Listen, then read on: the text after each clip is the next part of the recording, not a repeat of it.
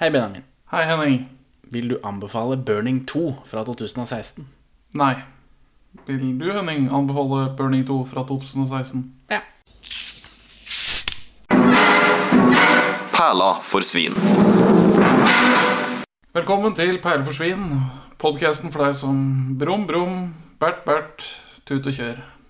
Vi er to middelmådige menn i 30-åra som ser norske filmperler. Og i dag så har vi sett oppfølgeren til Burning 1. Nemlig Burning 2. Ja. Hva syns du? Den er bedre enn originalen. Jeg har tenkt en del på Burning 1.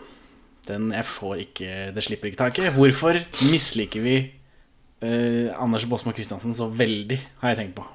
Hva er det den filmen gjør eller ikke gjør for at vi skal For at han er, han er så fæl i den filmen.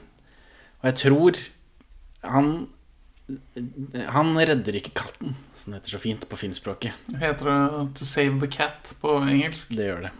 Når vi ser helten gjøre noe edelt. Nettopp. Det er ingenting Han gjør ingenting for å innynde seg hos oss. Han la jo dauingen som ikke var dau, inne. nå. Og så Ja, I han siste scene, ja. Men det, en, eh, Save the Cat gjør man gjerne tidlig i filmen. Og så lar han jo dattera sitte på, da. Ja, Det også er veldig sent. Eh, eh, Gladiator med Russell, Russell Crowe. Ja. Ja, der er jo han hærfører i, i romerske hæren. Og i første scene her sånn, så tror jeg de slåss mot eh, et eller annet oppe i Storbritannia. Det er noe, eh, noe pikter eller noe skotter eller noe sånt. Noe.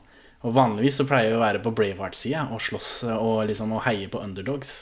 Ikke den store militære maskineriet som eh, Russell Crowe er sjef for. Nei. Men Russell Crowe har en hund som da signaliserer til oss at han er snill og hyggelig. Og det skal ikke mer til enn det.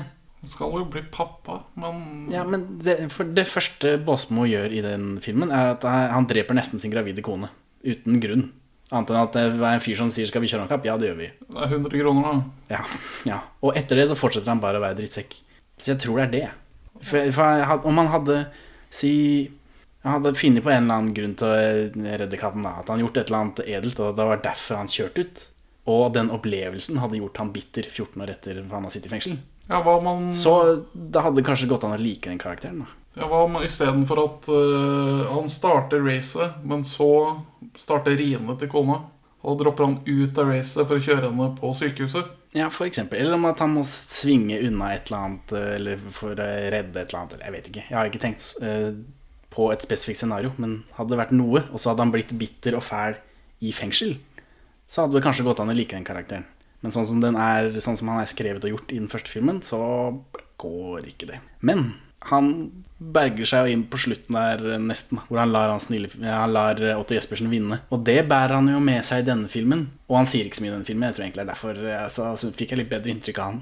Ja, han er, han er mer sympatisk i denne, men jeg Ja. sliter litt med å forstå hvordan de fremstiller han Eller hans liksom Han er en litt sånn born again Christian i denne filmen her.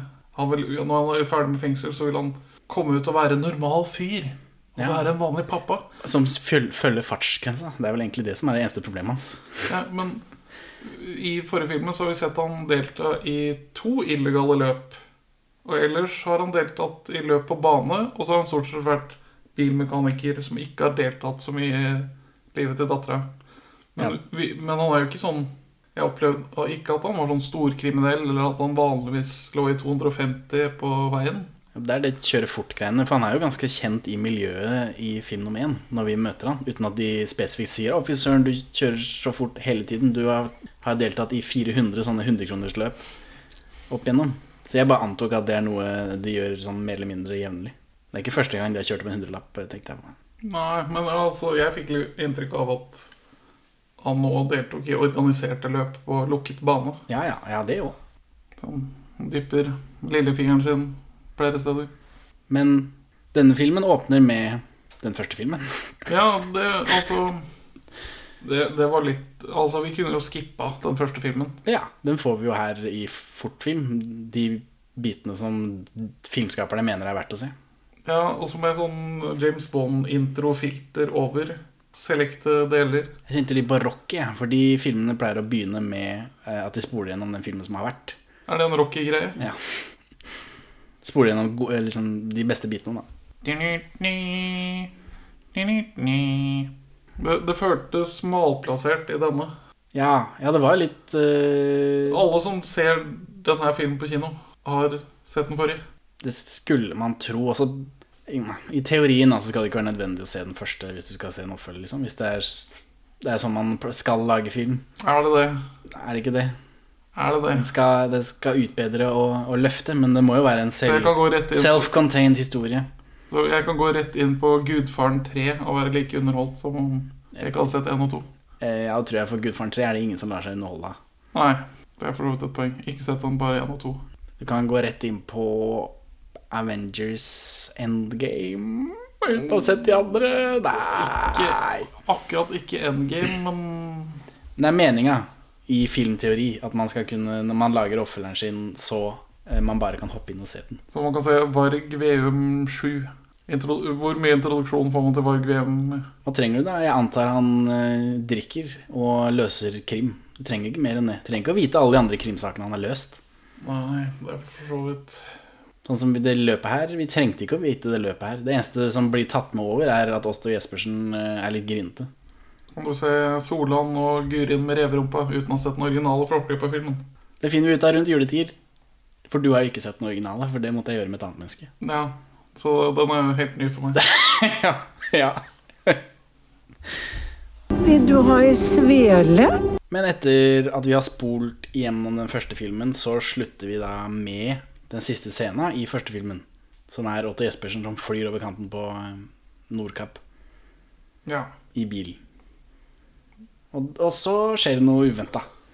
Eh, Ja, han trykker på en sånn hemmelig knapp i dashbordet. Og den slår ut noen norgesflagg hangglider-vinger. Ja. Og så duker mora hans opp i førersetet og tilbyr han sveler. Så det var noe. Magisk realisme. Veldig òg. Nei da, han er jo han er på sånt rekonvalenshjem. Han er på Sunnaas. Sunnaas er et rehabiliteringshjem, ja. Det er riktig. Eh, Otto Jespersen er på rehabilitering. Eh, Anders Båsmo Christensen Christiansen? Er det ikke Christensen? Christiansen. Båsmo. Jeg holder meg til Båsmo, for jeg klarer ikke å si navnet hans. Jeg vil si Simensen hver gang, men det er han som spiller Henning Hotel Cæsar.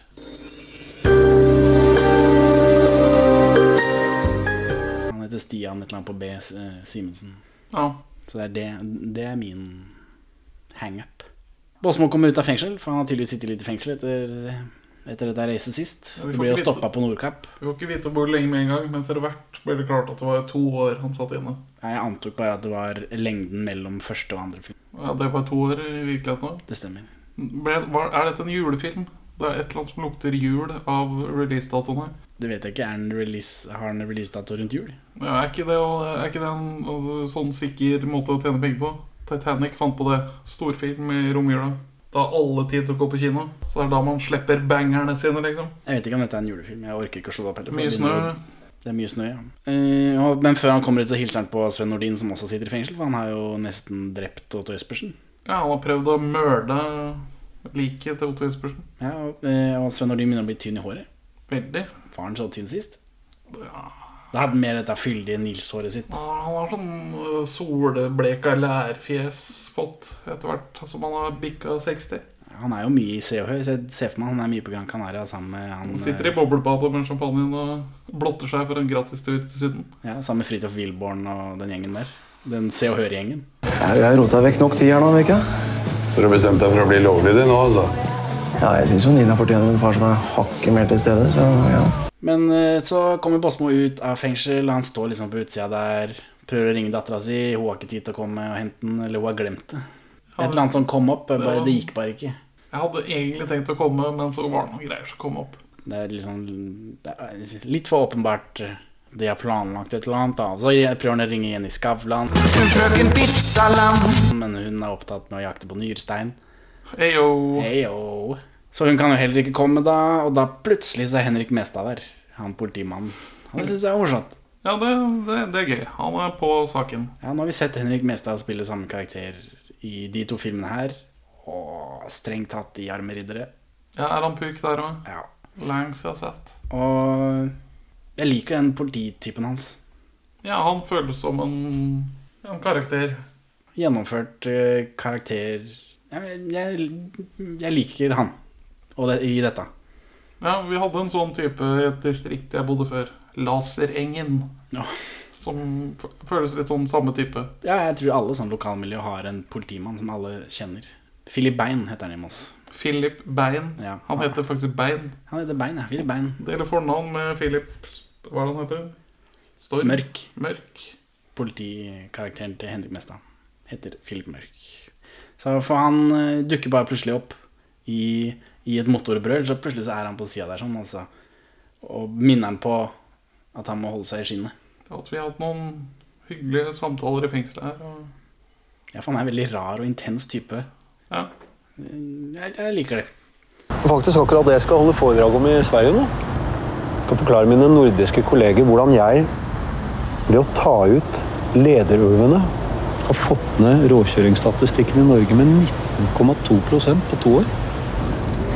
Ok? Ikke ødelegg den statistikken for meg, Roy. Nei da. Eh, Båsmo han skal jo nå walk the straight and narrow line, som det heter på engelsk. Ja, Og han skal jobbe på Shell, selvfølgelig, for dette er jo en produktplasseringsfilm. Ja. Som, som den andre. De grader òg. Og, Han skal bli lovlydig og være en far som er til stede. Og jeg skal selge pølser. For han har jo smelt i Jenny Skavlan på tjukka, tydeligvis. Kanskje Shell har noe sånn derre Cans with Work-program hvor du kan komme deg rett inn på en bensinstasjon. Du kan rane en bensinstasjon og få jobb i Shell som en følge av det. Kanskje. Eh, Men han som skal lære han opp, er Stig Frode Henriksen. Som vi kjenner fra Død snø, Helfjord eller ikke Helfjord. Kurt Vagle og Fjordheksa. Ja, alle disse Tappeluft-filmene. Tappeluft Pictures-filmene. Og han, er- han, også liker, han liker jeg i dette. Det er ikke mye han er med, men jeg vet ikke om det er den der nord, nordfra-dialekta hans som gjør at han føles mer naturlig når han må si ting. Eller er det fordi han bare improviserer? Jeg, jeg føler han er god på å ta den bygdeskrotting-karakteren og liksom gi liv til en fyr du føler du kunne møtt på bensinstasjonen. bensinstasjon. ja. Han introduseres vel at ved at når Bosmo kommer inn på bensinstasjonen, så peker han på han og anslår hva slags pølse han vil ha med hvilken topping. Vi får ikke svar på om det egentlig hadde vært riktig. Nei, for det, altså, Jeg antar jo at han har en god read på det pølsespisende publikum. ja. Jeg vet ikke om det er kanskje et bilde Shell har betalt for å skape opp sine ansatte. Det kan hende. Men han eh, Ja, men jeg syns han er en morsom fyr. Eh, og han er ikke med noe særlig i den filmen her, men han er nå her, da. Grillpølse i grovt brød med rekesalat og ost. Så har du pølseopplæring, da. Det stemmer. Wienertime. Tre-fire wienervitser i filmen av en lang grunn.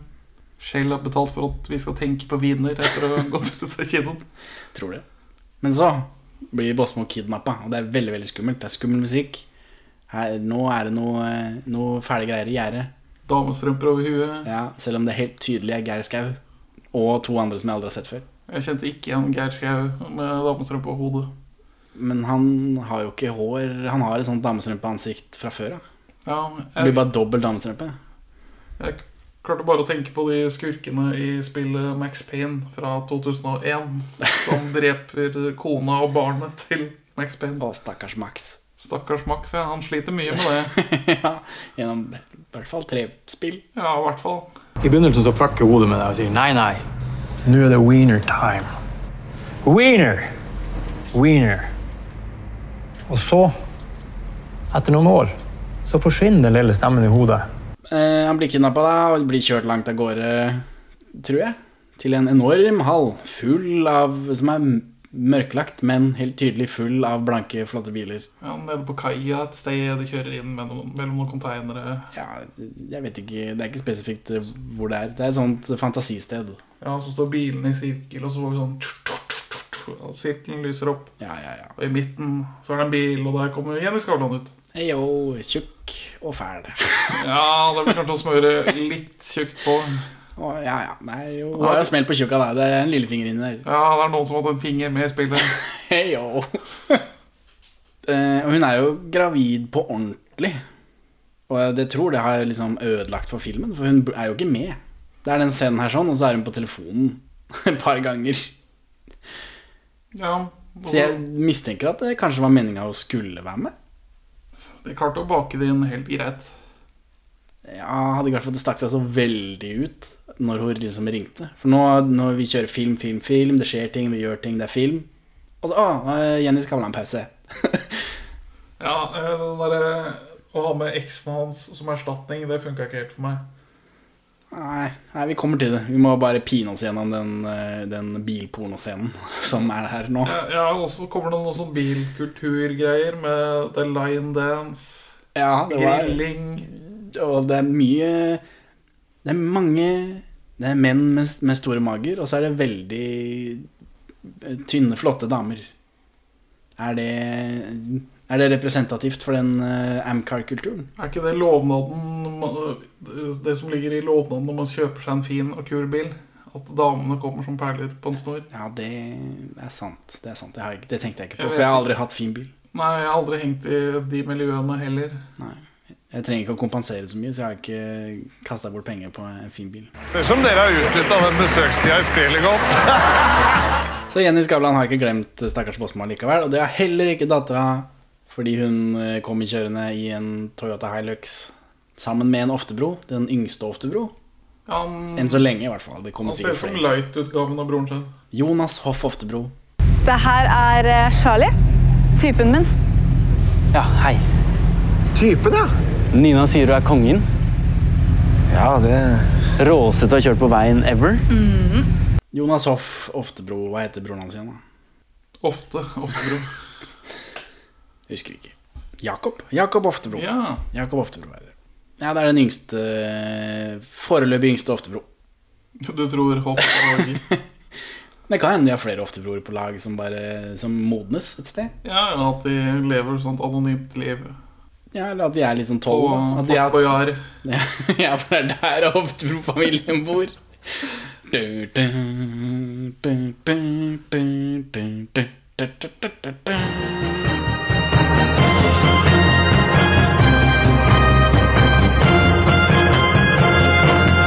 de har det der line dance-greiene, og det er masse biler rundt omkring i ring. Og som har fått en biltrone han sitter på.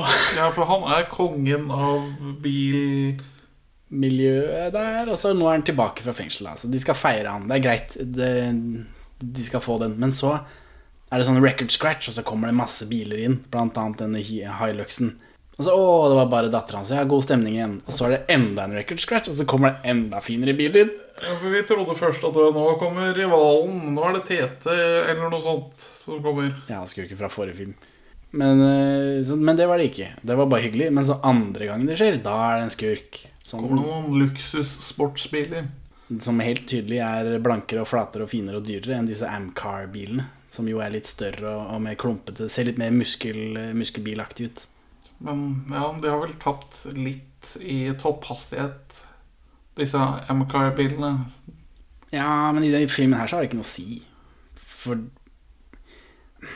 bilkjøringa i disse filmene er magi. Det kan jeg være med på. Liksom. Du kan, det, de krasjer, de, de stopper, de gjør ting i humorøyemed. Liksom, de må ha rom til å gjøre masse greier, og samtidig ligge en, eh, rett eh, bak hverandre ved, ved mållinja, liksom. Jeg, jeg forstår det. ah, ja. Men, men hvis du tenker for mye over det, så, så blir det jo litt rart, da.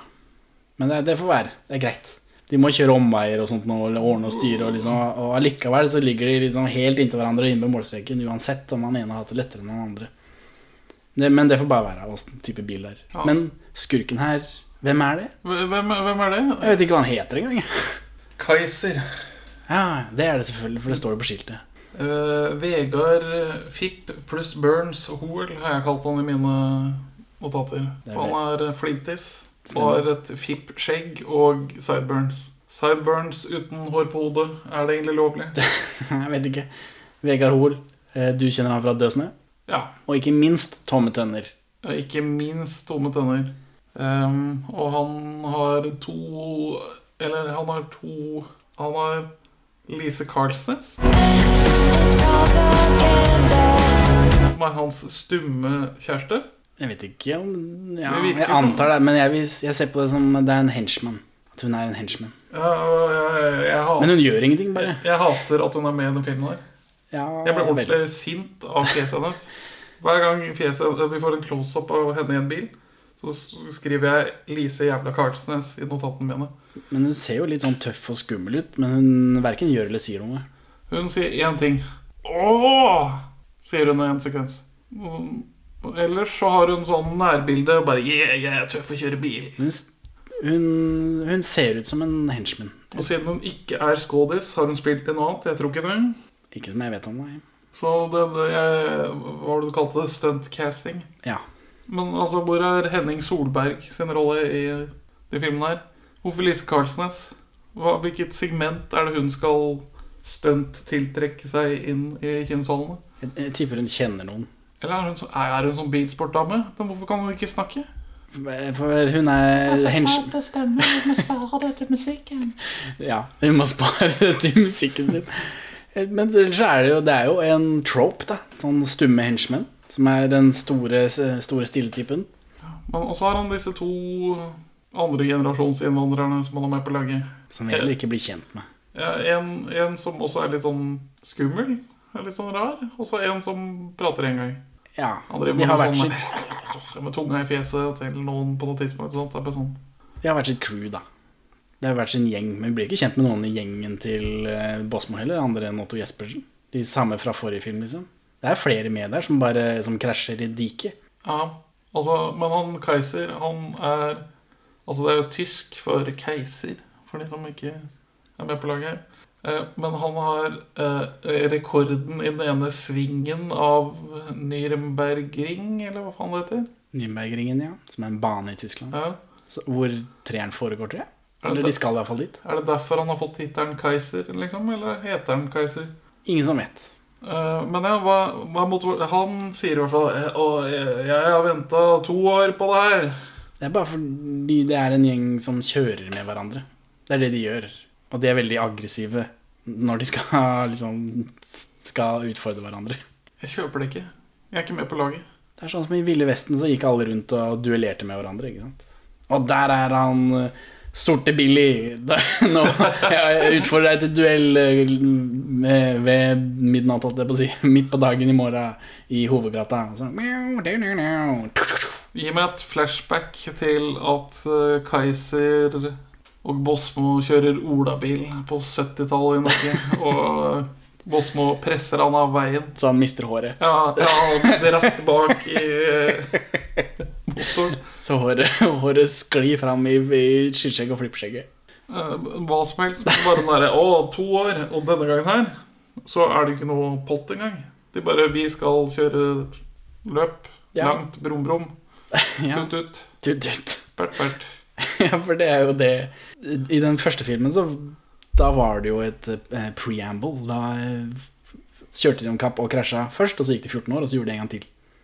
Ja. Det er jo noe Ja, sammenlignet. det er Jeg det. synes likevel han er bedre enn det, merker jeg.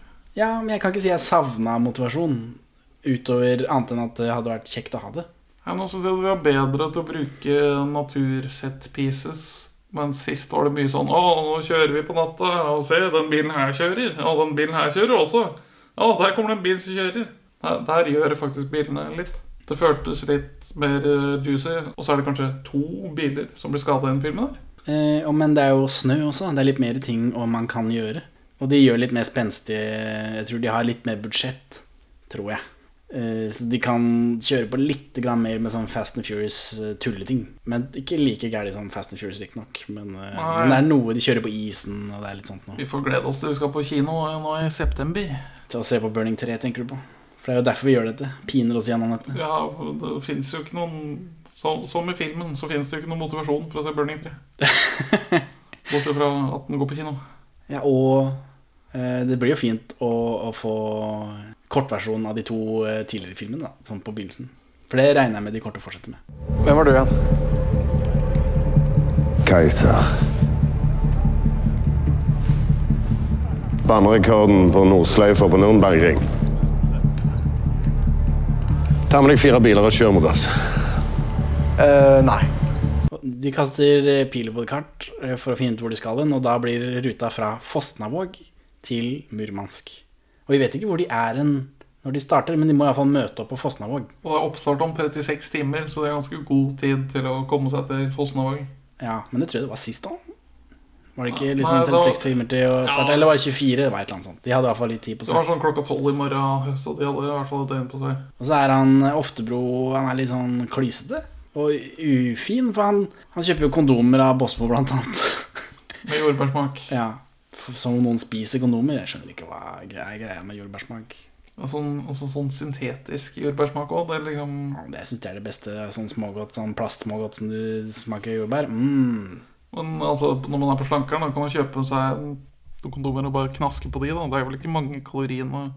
Ja, nei, det skulle jeg ikke tro. Så, men de pa- praktiserer iallfall trygg sex. da Eh, Ida er 16, Oftebro er 18, antar jeg, for han kjører bil. Hvis ikke han er 34. Det kan man, da kan man også kjøre bil. Ja, folk, eh, Unge folk i rånemiljø er vel også unge folk i få barn litt for tidlig-miljø. Så det kan jo være greit at de får noen forbilder som bruker kondom. Ja, Eh, da hadde vi nesten det veldig bra. Seriøst, jeg kjører ikke lenger, så dere kan bare ta med deg den gjengen der og stikke. To år venter jeg på deg. Ikke prøv å fortelle meg at du ikke kjenner suget. Suget. Basmo insisterer fortsatt på at han eh, ikke skal kjøre bil så fort. Ja, han, Han skal ikke være med å race. Han vil ikke bli med. Nei, det er, eh, det virker som det er Oftebro og, og Gjengen hans. Jonas Hoff eh, Oftebro og, og han Keiser som skal kjøre om kapp. Ja, og de, de har jo tre biler til i gjengen sin. Ja, det blir jo med disse gjengene, da. Det er ni biler som ender med å delta i løpet. Så, men Bosmo insisterer fortsatt på at ikke han skal være med på det. Han vil heller ikke at eh, Ida, som er datteren, datteren hans, skal være med på det. Og det er vel innafor, er ikke det? Å Ja, altså- nekte dattera si å, å kjøre, råkjøre til Russland. Råkjøre 280 mil eller noe. Ja. 16 år batterigrad di. Har du Det er innenfor dine maktmidler som forelder å hindre vedkommende fra å gjennomføre det. ja. Hvis min femåring prøver seg på noe sånt, liksom, da, Og hun skal være med til Russland. da blir ingen kjære far. Nina skal ikke være med deg til Murmansk. Er det forstått? Bra. Da har vi en avtale, ikke sant? Jeg kan få med en pakke kondomer òg, jeg. Med jordbærsmak. Etter at uh, Oftebro har kjøpt noen kondomer og noe produktplassering, så, så, så kjører de av gårde uten at Båsmo får stoppa dem. Og da kommer Marie Blokhus igjen, eksen til Båsmo. Mor til Ida. Hun skal spille streng, uptight bitch. Hun det- fortsatt uten dialekt, for hun har egentlig dialekt. Det blir, det blir, hun spiller veldig sånn stivt og rart, så man kan liksom spørre seg om det er med vilje, eller om bare en dårlig skuespiller. Men Eller om det er dialektgreiene som er vanskelig. at hun er opptatt med at hun skal prate på en ikke-dialektete måte. At Ja. det blir litt sånn Jeg skjønner fortsatt ikke hvorfor hun kasta den dialekta i første film, for det er så vidt hun er med. Jeg aner ikke, men det er et stykke oppe. Oppover. Jeg kan klippe inn lyd av henne her. Jeg tenkte dette kunne være kontoret mitt. Kontoret ditt? Hmm. Jeg tenkte kanskje at vi kunne ha mm, kanskje litt sirkustapet og kanskje en sånn sprinkelseng her og bitte små tassende Sirkusdverger.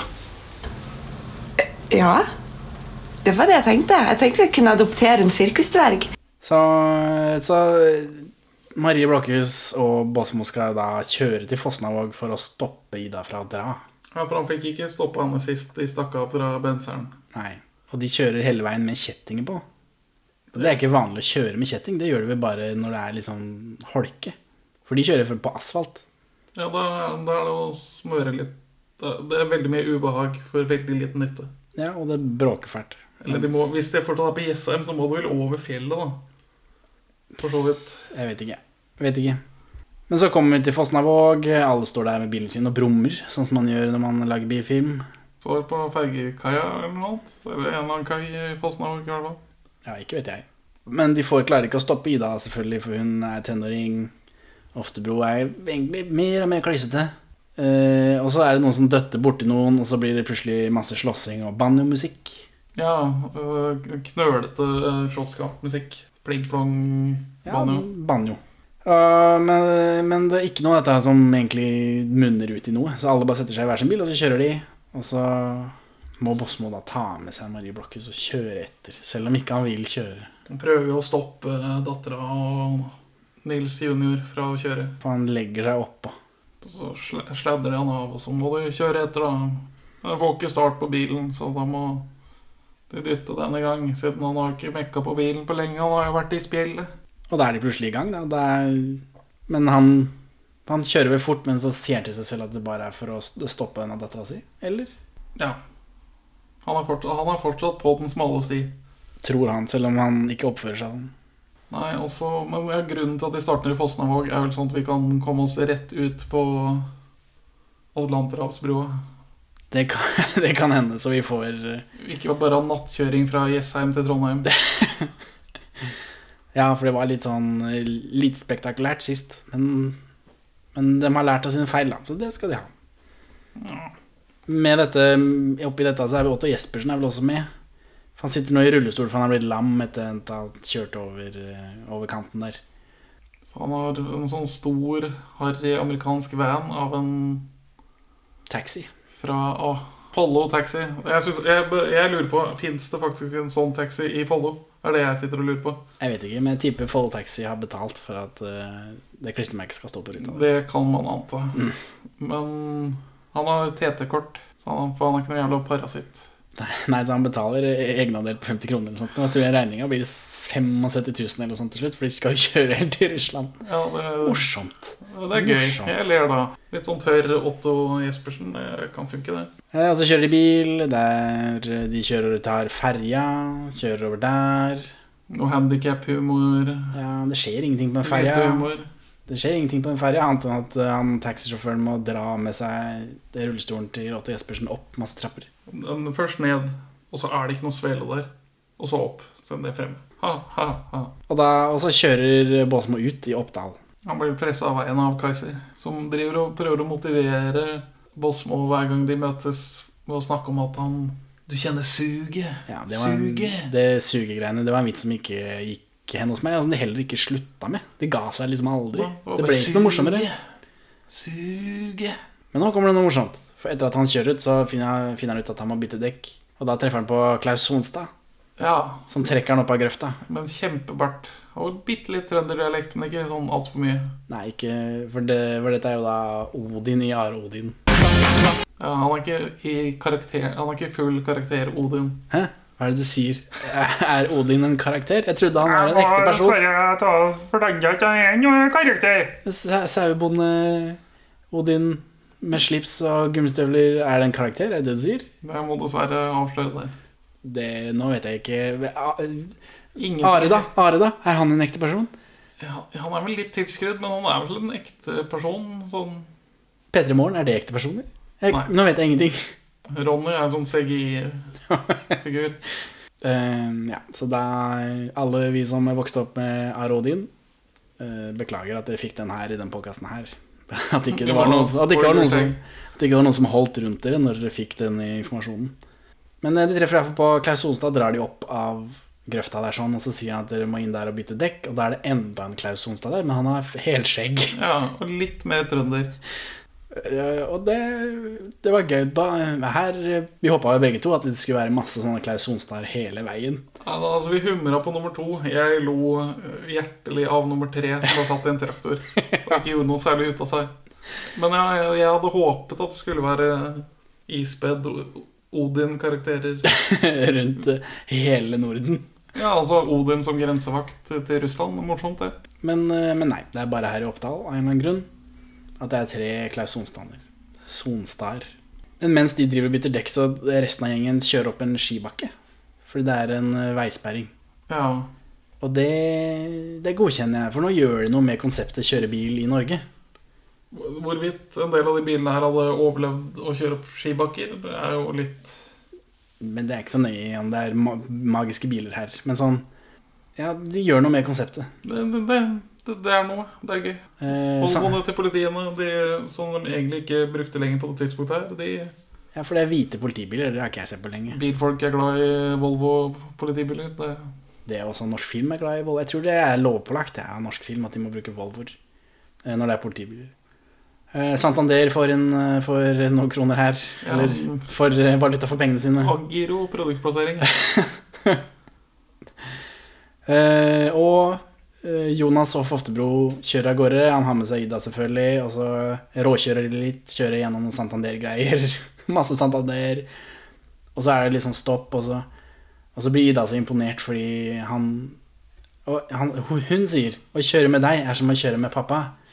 Og det er det alle vil høre av en potensiell partner, er at man ligner på foreldrene deres. Så da begynner de å kline. Ja.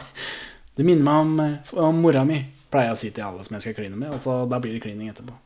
Det er garantert. Natur, naturligvis. Å kjøre med deg, det er som å kjøre med pappa. Jeg lover deg. Han er kul.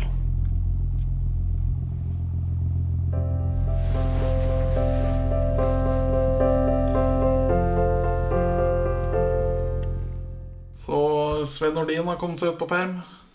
Fra fengselet, ja.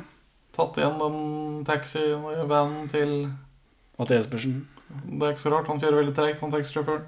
Ja, men allikevel er han alltid rett bak. Så, så det er dette Det er, det er magisk. Otto Jespersen vil ikke ha noe med han å gjøre. Han er veldig bitter etter å, at Svein Ordin prøvde å drepe han. For det var et veldig rørende øyeblikk i slutten av første filmen, og så viste det seg at eh, det var mordforsøk, egentlig. Og det òg var Det likte jeg at denne throwaway-gaggen i slutten av første film, at de tar med seg den videre inn i andre film og bygger på den. Jeg bruker det til litt sånn interpersonlig drama. Ja, for de kunne fint bare glemt det. For det var jo en sånn tullegreie til å begynne med. At han Å, søren, han er våken, liksom. Han er ikke død. og så har film slutt. De kunne fint bare ignorert det, sånn som man gjør når man lager tullefilmer. Men de tar det med seg videre, og han er liksom sur for det. Og bygger på det. Og det, det syns jeg var noe. Ja, De oppgraderte sønnen til Sven Nordin til en taxisjåfør med litt personlighet. Ja, for de bytta ut han Han sønnen eh, trenger ikke han sønnen lenger eh, når eh, man kan få tak i en Oftebro. Nei. Så Sven Nordin presser seg inn i bilen, selv om han, Otto egentlig ikke samtykker. Da er det et overgrep mot en handikappet person. Ja. Og mens dette foregår, så er jo han Henrik Elvestad, politimannen, er på politikonferanse i Sverige. For å skryte av at han har fått ned råkjøringsstatistikken i Norge med 18,5 eller noe annet. Så er det noe sånn svensk oversettelseshumor, hvor han sier alle ting på både svensk og norsk. Ja, for når man er på konferanser, så sitter man i badestamp. I- Det er litt sånn konferansehumor her. Dere er i hvert fall ikke nakne, da. Dessverre. De har på seg fargerike banana hammocks, hele gjengen. Han har ikke makt i Sverige, da, han Henrik. Nei, men igjen så er han såpass berykta For han har jo blitt invitert eh, som, på denne konferansen for å, å fortelle om dette. Så, så disse politifolka sitter i en badestampen, og så får han svenske politimannen en telefon om at det er noen råkjørere i landet hans. Jeg vet ikke. Er det sånn det funker? Men, Illegalt å reise. men da, da våkner iallfall Henrik Mestad, da. Og han er helt med. De skal samarbeide om å stoppe, stoppe dem 20 tonn med svensk snø i Luleo. Luleå. Luleå. Luleå. Så de lager en politisperring, selvfølgelig, og- og stopper alle disse bilene, for de kjører alltid sammen. Fortsatt. Magisk. Eh, Men så stikker de bare av. Det er to stykken som bare kjører inn den politisperringa. De kommer seg ikke over. Den ene kommer seg over, men stopper i en gravemaskin på andre sida. Ja, setter seg fast i grabben. Helt eh, uproblematisk. De har ikke krasja den bilen, eller noe som helst. Den er bare parkert oppi der. Selv om hun bare pløyer over. Pytt, pytt. Men de andre kjører da ut på isen. Og her igjen så bruker vi konseptet. For det er ute på havisen. Det er ikke et vann med 30 meter tjukk is. Nei, det er Så det er skilta at det er ikke lov å kjøre bil på isen. Nei, smart. Men da får vi jo filmens store actionhøydepunkt. Det er i hvert fall her spenningen er på topp. De, de kjører på isen. Det er om å gjøre å komme seg fort over, for de skal til Finland, da. Vi unna over til Finland. Men så har de kjørt en isbryter der. Så det er et stort råk vaka etter den. Ja, og Da må de liksom svinge, og så må de prøve å kjøre forbi den båten, og så nærmer den båten seg kanten på isen, og så er det Det er ekte spenning i en norsk film, og det har jeg ikke sett på eh, hvem vet hvor lenge. Ja, og jeg har ikke sett dette grepet noe sted. Dette var Adrenalinet pumper. oppriktig spennende og nytt. Og, ja. Godt jobba, Burning 2. så pusher de kanskje grensene for uh, hvor mye jeg vil suspend my disbelief. Eh, Du tenker på Ja, Den siste bilen som kommer seg forbi isbryteren rett før Rocky, Der, der, der var døden veldig nærme. Og så uh, Anders Båsmo og hans ekskone, eks, hans barnemor, uh, de rekker ikke å komme seg forbi isbryteren.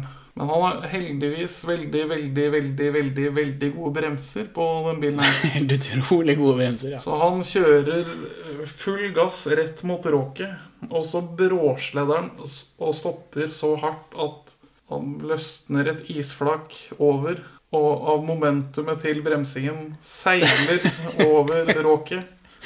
Ja. Og det er en ganske stor isbryter, så det er ikke Ja, men det bildet er magisk, og, og det gjør noe. Det er, igjen, Dette var det jeg snakka om i forrige film, at jeg forventa mer sånn at bilene var magiske, at de kunne gjøre trylleting. Og dette her er en tryllegreie. Ja, men altså, det var gøy at de løste det, i hvert fall. Jeg tenkte skal de bare hoppe over allikevel, for det var litt av poenget med å kjøre rundt den båten borte. Ja, ja, Det var mye bedre enn et hopp, for et hopp hadde vært utrolig tåpelig. Og så skal en politimann prøve det samme etterpå, og det går ikke. Ja, de skal vel faktisk prøve på å hoppe. Det virker som de har misforstått hva Bosmo gjorde i det hele tatt. Jeg forsto sånn at de skulle prøve å gjenta det, men For det er jo ikke noe å hoppe på. Den er jo bare flatt. Ja, det Så, men den Gå ut og politi, en rampe med kram snø. politibilen går iallfall i vannet. eh, Og det gjør Henrik Mestad, den svenske politimannen også. Men så er det noen tyske holdt jeg på å si, campingturister. De har med seg en campingbil, de sitter ute og isfisker. Ja, det er vel de Tyske, sier jeg. Eh, Finske, mener jeg. finske, ja. Thank you for klær. Takk for hjelp. Nå må vi ha nøkler til denne bilen. Keys. Flott. Men eh, hva er det, det er noe bakgrunnsdrama her. Båsmo får en telefon mens dette foregår. Fordi nå har vi hatt, eh, hatt Nå har vi fulgt med på spennende ting, så da må vi ta en liten Jenny Skavlan-pause. Eh, Hun Først har hun malt en sånn barnekrybbe. Skrudd sammen den. Og så har vannet gått, og hun har sjekka røra under vasken, og det var ikke det. Det var Det er barn. Så nå, da skjer det ting, da. Og er fødselen eller hun skal, hun skal føde. Hun er på vei til sykehuset. Hun kjører seg selv til sykehuset, forresten, som var en fin touch, for de er sånn bilfolk. Ja. Så, at hun råkjører til sykehuset, det må være lov. Ja, jeg tror hun hadde vel fått politieskorte hvis hun hadde blitt stoppa av det. Tenker jeg meg. Tror ikke hun hadde blitt vådeskutt. Jo, det kan man jo fort ante. Hei, hvor er du? Jeg er på vei til sykehuset. Hva med deg? Er du på vei? Jeg er i Finland. Vil jeg skal komme tilbake, eller? Nei. Ring meg så fort det er noe, da, vær så snill. Så er det stopp på en Shell-stasjon igjen. Ja, det er Shell i Finland òg. Da har vi lært noe nytt om Shell. Shell-imperiet. Eh, Og da, da stopper de sammen Det er, eh, ja, det er Jonas Hoff, Hoff Oftebro igjen. Og her sånn så tror jeg de slutter Dette er liksom siste forsøk på å stoppe dem, før de liksom bare Ja vel, da- da skal jeg kjøre race istedenfor. For det klikker helt for eh, Marie Blokhus, selvfølgelig. Og hun eh, Nei, det er neste runde de gir opp å stoppe dem.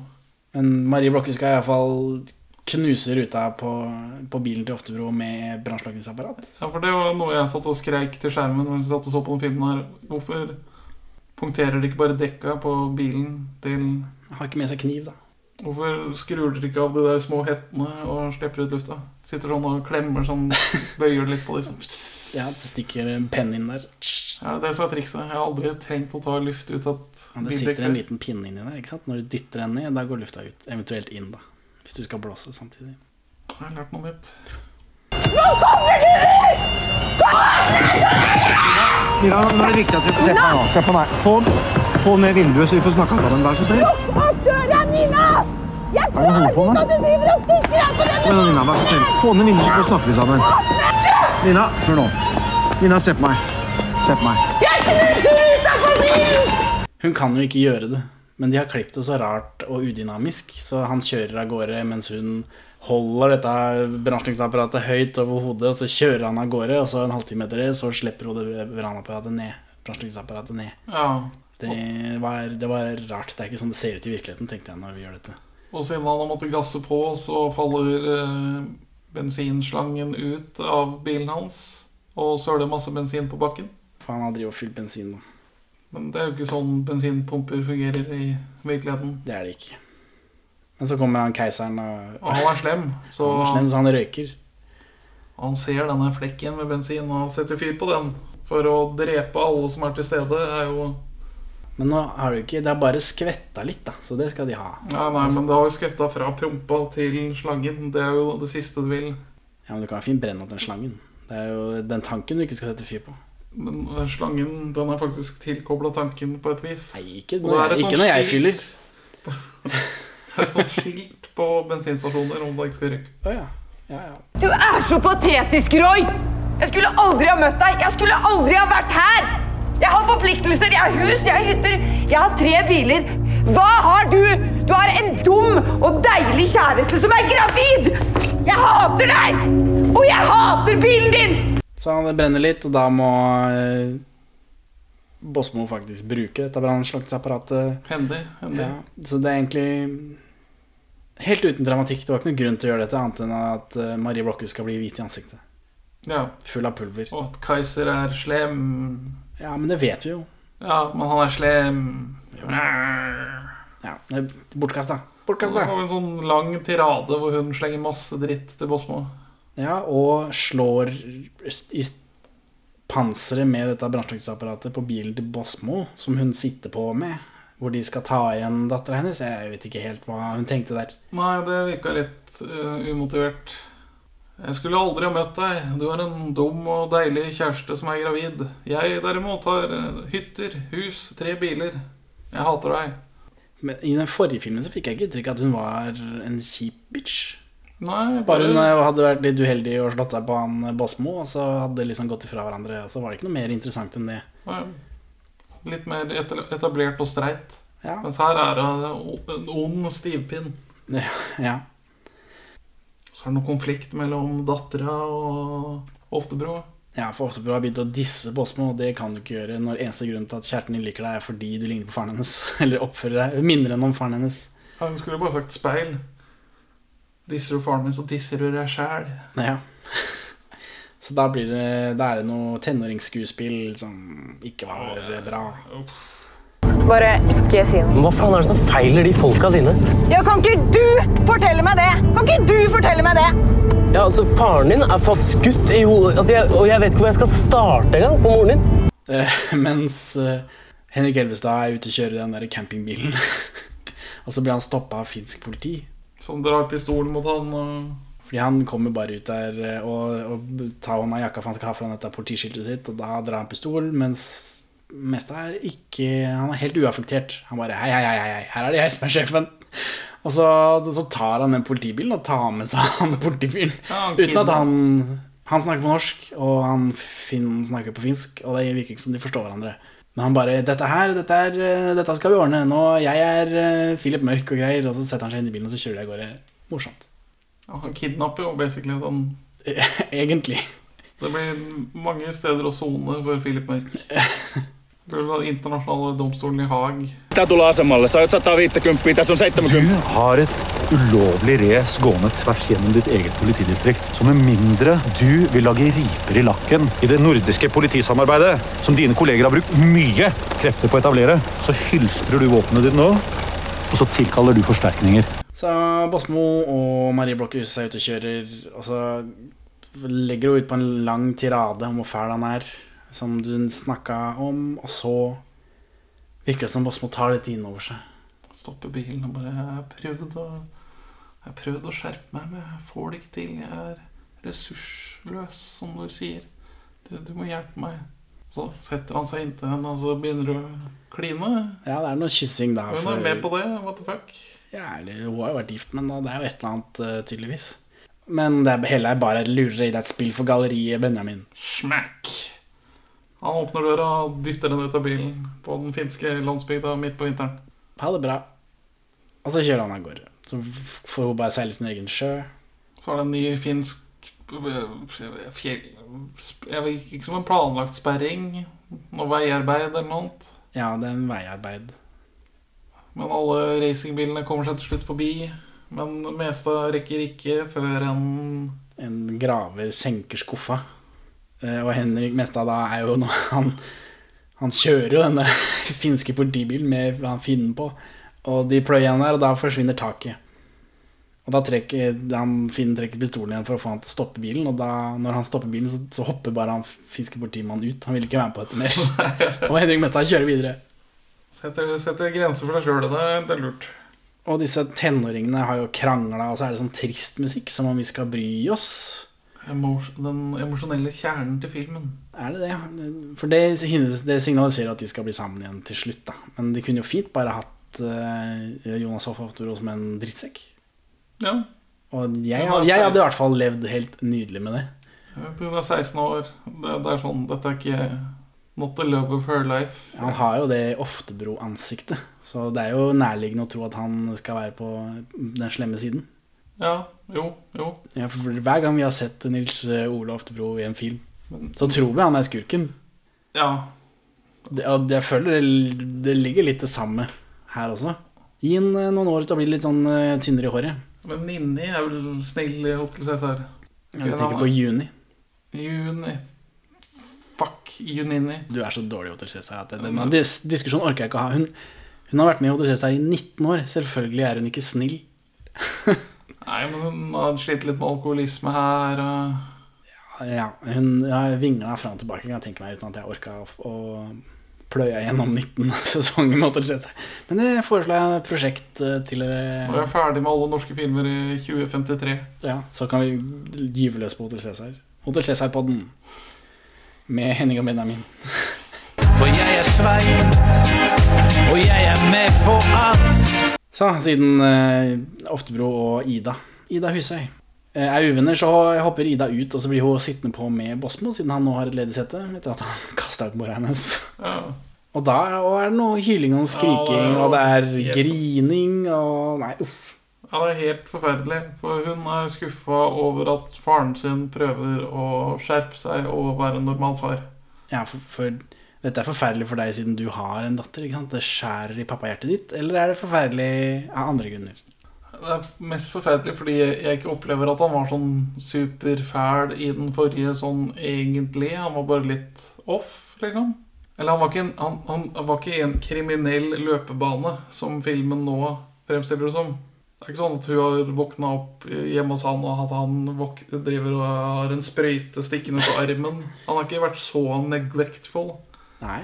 Han er bare distré, glemsk dustepappa, liksom. Ja, det var jo vel noen år siden de hadde sett hverandre sist, hørtes det ut som. Så det var ikke som om liksom Nei, hun kommer en helg i måneden, tror jeg det var. Men nå passa det ikke, for nå var det bilsporttid. Mhm. Det er ikke bilsporttid hele året, men det er bare akkurat nå det er bilsporttid. Skjønner ikke en dritt. Du har blitt døll, pappa. Jeg vil at du skal glemme bursdagen min og ta meg på gokart et halvt år etterpå. Rockekonsert når jeg er fem år.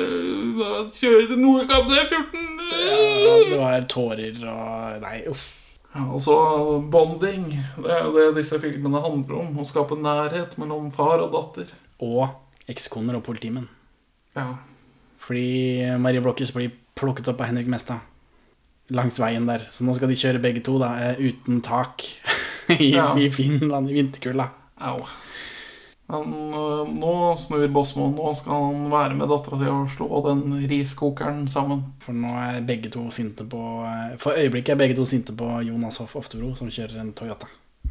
De har i hvert fall kutta ut bruken av ordet japse da, i den filmen her. Som det faktisk er ikke lov å si.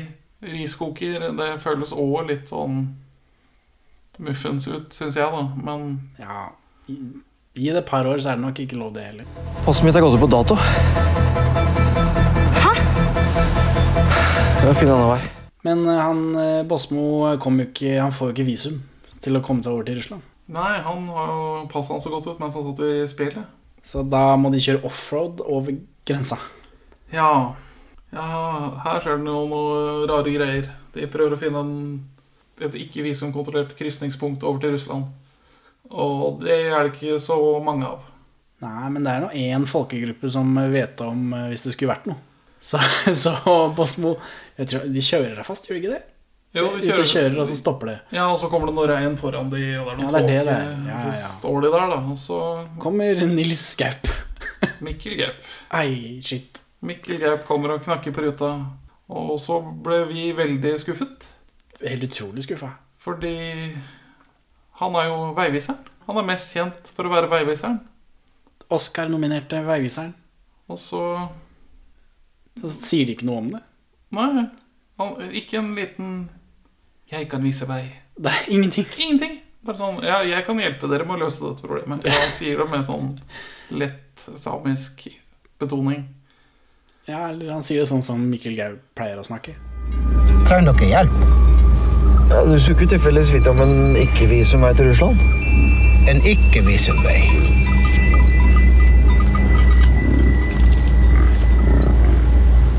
Dere trenger hjelp. Så da blir de lasta opp eh, på en slede av et eller annet slag. Kavle, tror jeg det heter. Ja, det er for en svær slede som de putter hele bilen på, uten at vi får se det, selvfølgelig, for det ville vært eh, for mye. Og så trekkes de med tre snes sneskutere over vidden. Ja, men at ikke de klarer å gi et lite hint til veiviseren, det, det er jeg ikke med på. Og så kaller, når de har kommet seg over grensa, liksom ferdig levert, så sier Mikkel Gaup til Du, du Yankee. Hvis du skulle stoppe helt opp, så må du følge etter lyden, eller noe sånt. Ja. Og kommer det tilbake? Nei. Det gjør det. Gjør det det? Inni denne fabrikken så stopper de opp for den, Ja. og da kommer det en lyd. Og jeg kobla ikke det før du sa det nå. Nei, nei. Så det var ikke sånn superklart. Godt kommunisert av for meg. Nei. Men da, ja, da stoppa helt opp, og han blir redda av en lyd. Ja. Hm. Så ja, ja. Hva, hva er det som skjer med Otto Jespersen. Ja. Han har spist to kebab og begynner å bli litt dårlig i magen. veldig sterke finske kebabs? Så han får veldig dårlig tid på å komme seg ut av denne svære taxien for å bæsje i snøen. Og så låser rampa seg, så han Det skjer ikke noe. Nei, det er krise. Det er krise. Og Da bare flyr Otto Jespersen ut av den stolen. Ja, for han har jo vært lam hele veien, men eh, ved et mirakel så er han ikke lam lenger. Eventuelt så har han bare løyet hele tiden. Ja, det blir ikke helt klart hva motivasjonen hans er. Nei, men sist gang så løy han jo på seg at han var døende. Ja. Så jeg vet ikke. Han er bare? en rar type. Trygdesvindel. Ja, ja. Litt, eh, litt av begge deler. Vet du hva, jeg må noe jævlig på potta. jeg. Hæ? Den blei for røff, den babben.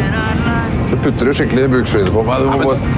Altså, da får du krype igjen. Altså, du driter ikke i bilen min, altså. Nei, alvor er krise. Jeg greier ikke å vente. Må stoppe. Vær så snill, da. Ja, greit. Så er disse tenåringene venner igjen. Ja, han, han sperrer veien for dem og bare går ut og, og sier sorry. Er det alt du har å si? sier Båsmo. Vi starta der sammen. Skal vi ikke ta fullføre det sammen? Kan ikke gi meg en ny sjanse? Ja, men bare om du lover meg å ta han derre Kaiser. Som han ikke gjør, for så vidt. Mhm. Så men han sier unnskyld, da, og det er jo veldig godt gjort av en mann. Ja, nå, men nå mener jo dattera at han, faren hennes har blitt til faren hennes igjen. Så han sier, hun sier 'kjør forsiktig, Roy Gundersen'.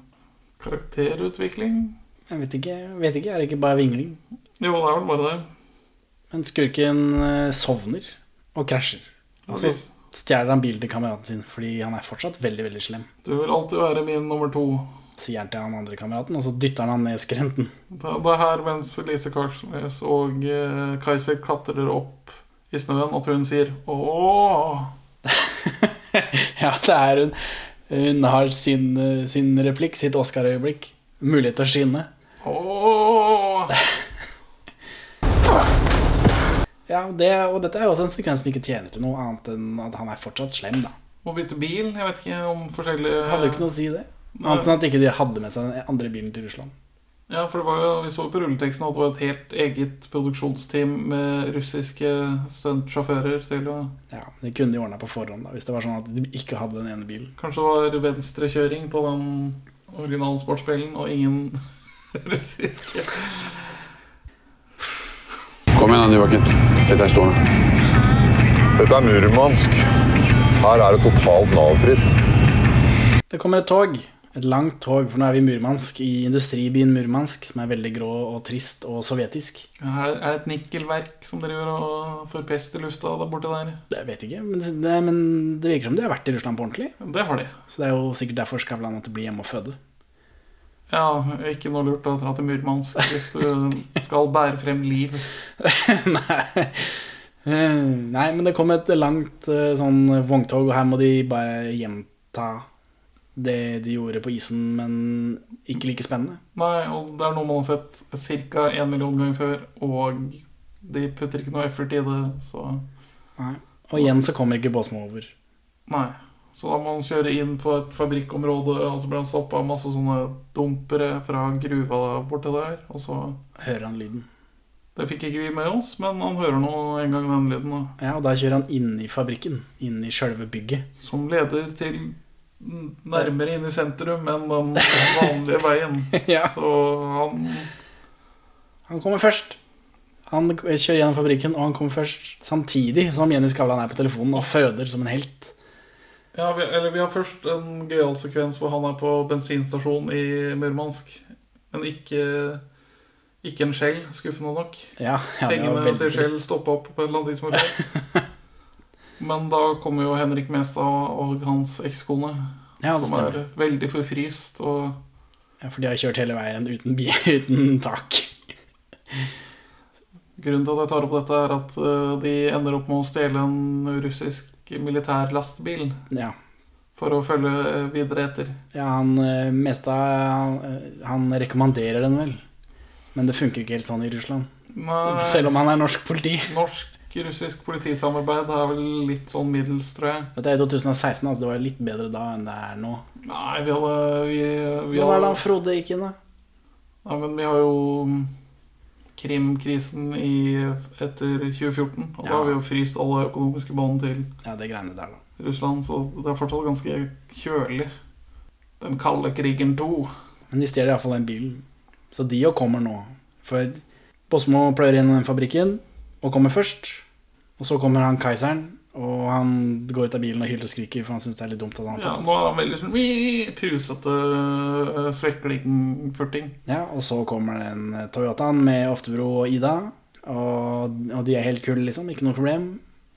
Og så kommer den eh, lastebilen. Ja, for å arrestere de. Sammen med masse militærfolk. Eh, og Henrik Mestad tror jo fortsatt at han er på sida med alle politi og militær og sånt, og så han sier ja, der er han, liksom, arrester han der. Men så er det selvfølgelig han de skal ha tak i, og Ma Marie Blokhus. Stakkars. Police officer uh, uh, Philip Mørk and woman, you have stolen Russian military property and soldiers. ja, for det er vel noen soldater baki. Ja, det er andre gang Nei, nei det blir tredje gangen eh, Philip eh, Mørk kidnapper noen. Og først kidnapper han en finne som sitter og driter inni denne bobilen. Ja, det er så sant. kidnapper han politimannen. Det sitter en finne på toalettet i den bobilen, stemmer det. Og så blir det disse, denne russiske troppen. da Så det er han og, og, og henne som blir arrestert. Og så er det en buss på den bussholdeplassen som flytter seg. Og der står jaggu Otto Jespersen og Sven Nordin, så de kom egentlig først. De vant den gangen her òg. Jaggu. De spilte jo ikke noe om den gangen her, da, bortsett fra ære i bilmiljøet. Sikkert. Eh, Og så skal de kjøre av gårde fordi militæret arresterer folk. Og da kommer ikke Otto Jespersen. Han sitter fortsatt i den rullestolen uten at han trenger det. Ja, for nå er det tilbake til at hvis vi blir observert av Nav ja, I Murmansk Så vil vi ikke få betalt denne taxiregninga. Og da kjører de av gårde, men med han på den s- rampa på utsida av bilen. Og så må, må Sven Nordin bråbense for en gammel babusjka. Og da ble han kasta av øh, rampa og ut i veien. Eh, Og blir påkjørt av en buss. Filmslutt.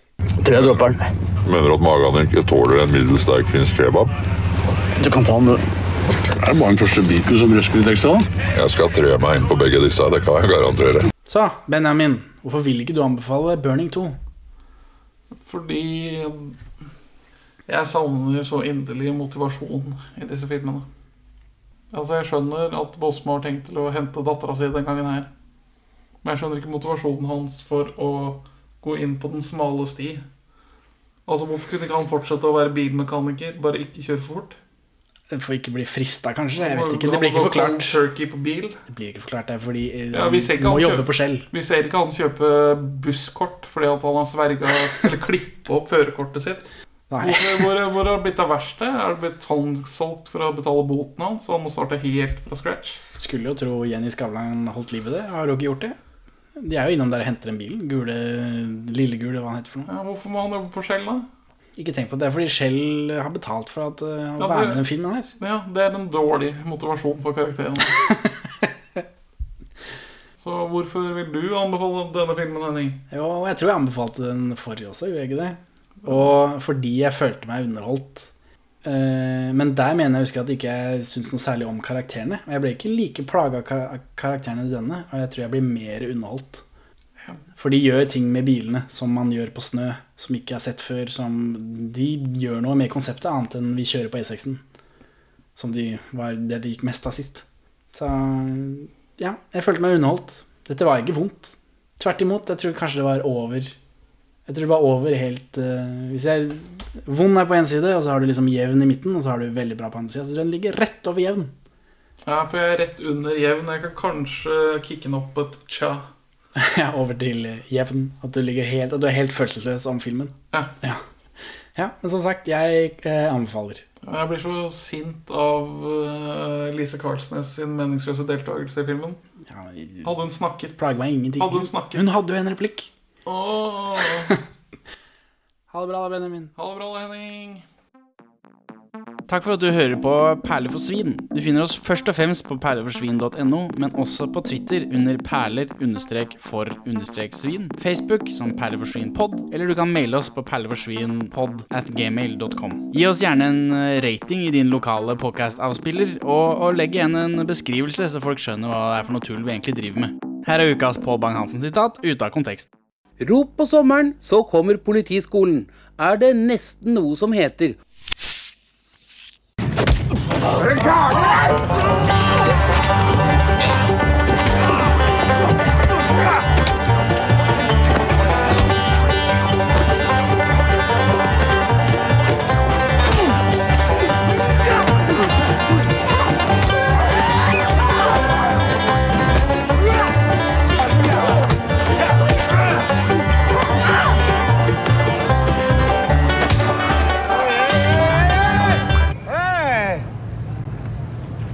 Ser for slåss! Klipp til Marit Aaslein som er intens med Henrik Mestad.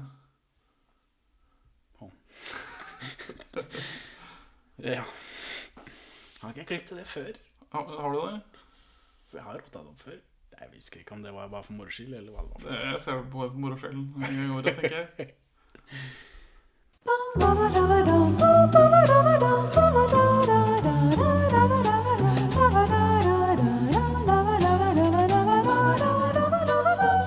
Søndag var det urpremiere på teaterstykket 'Lasso rundt fru Luna' på teatret vårt i Molde.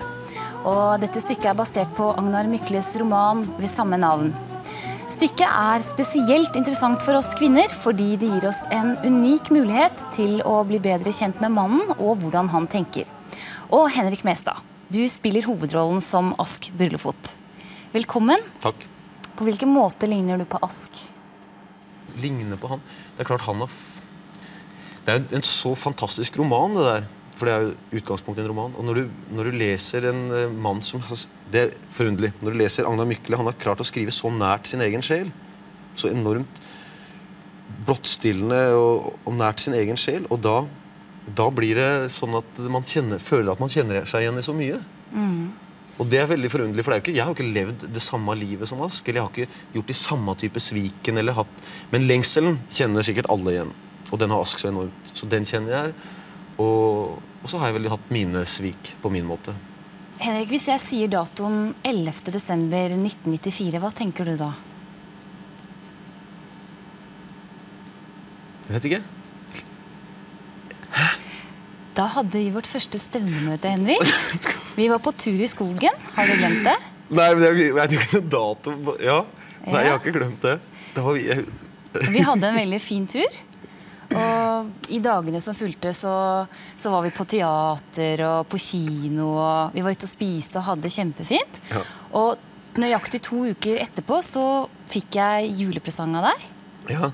Husker du hva du ga meg? Husker du ikke du ga meg denne boken her? Den, jo, jeg husker det var en bok. Jeg Ja. husker ikke hvilken det var. Marcus og Diana. Ja, og den syns jeg var kjempefin. Og, og vi hadde det jo Altså, vi hadde det jo veldig fint en periode. Vi hadde det, Men så skjedde noe rart. Og, og det var at um, du slutta å ringe. Hvorfor gjorde du det?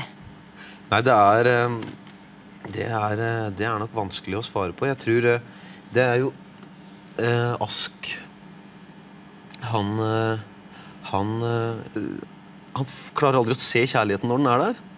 Og kanskje det kan være et svar du kan bruke. Ja, for vi kan vel på en måte si at du sviktet meg på samme måte som Ask Bullefot svikter sine kvinner. det nekter jeg for, men, eh, men uh... Ja, men for meg så var det i hvert fall sånn. mhm. Da har jeg bare lyst til å ønske deg lykke til videre, Henrik. Takk skal du Eh, ha. Både med teaterstykket og med kjærligheten. Hørt om dama som bodde på haka til en cubaner. Skjegget var hun.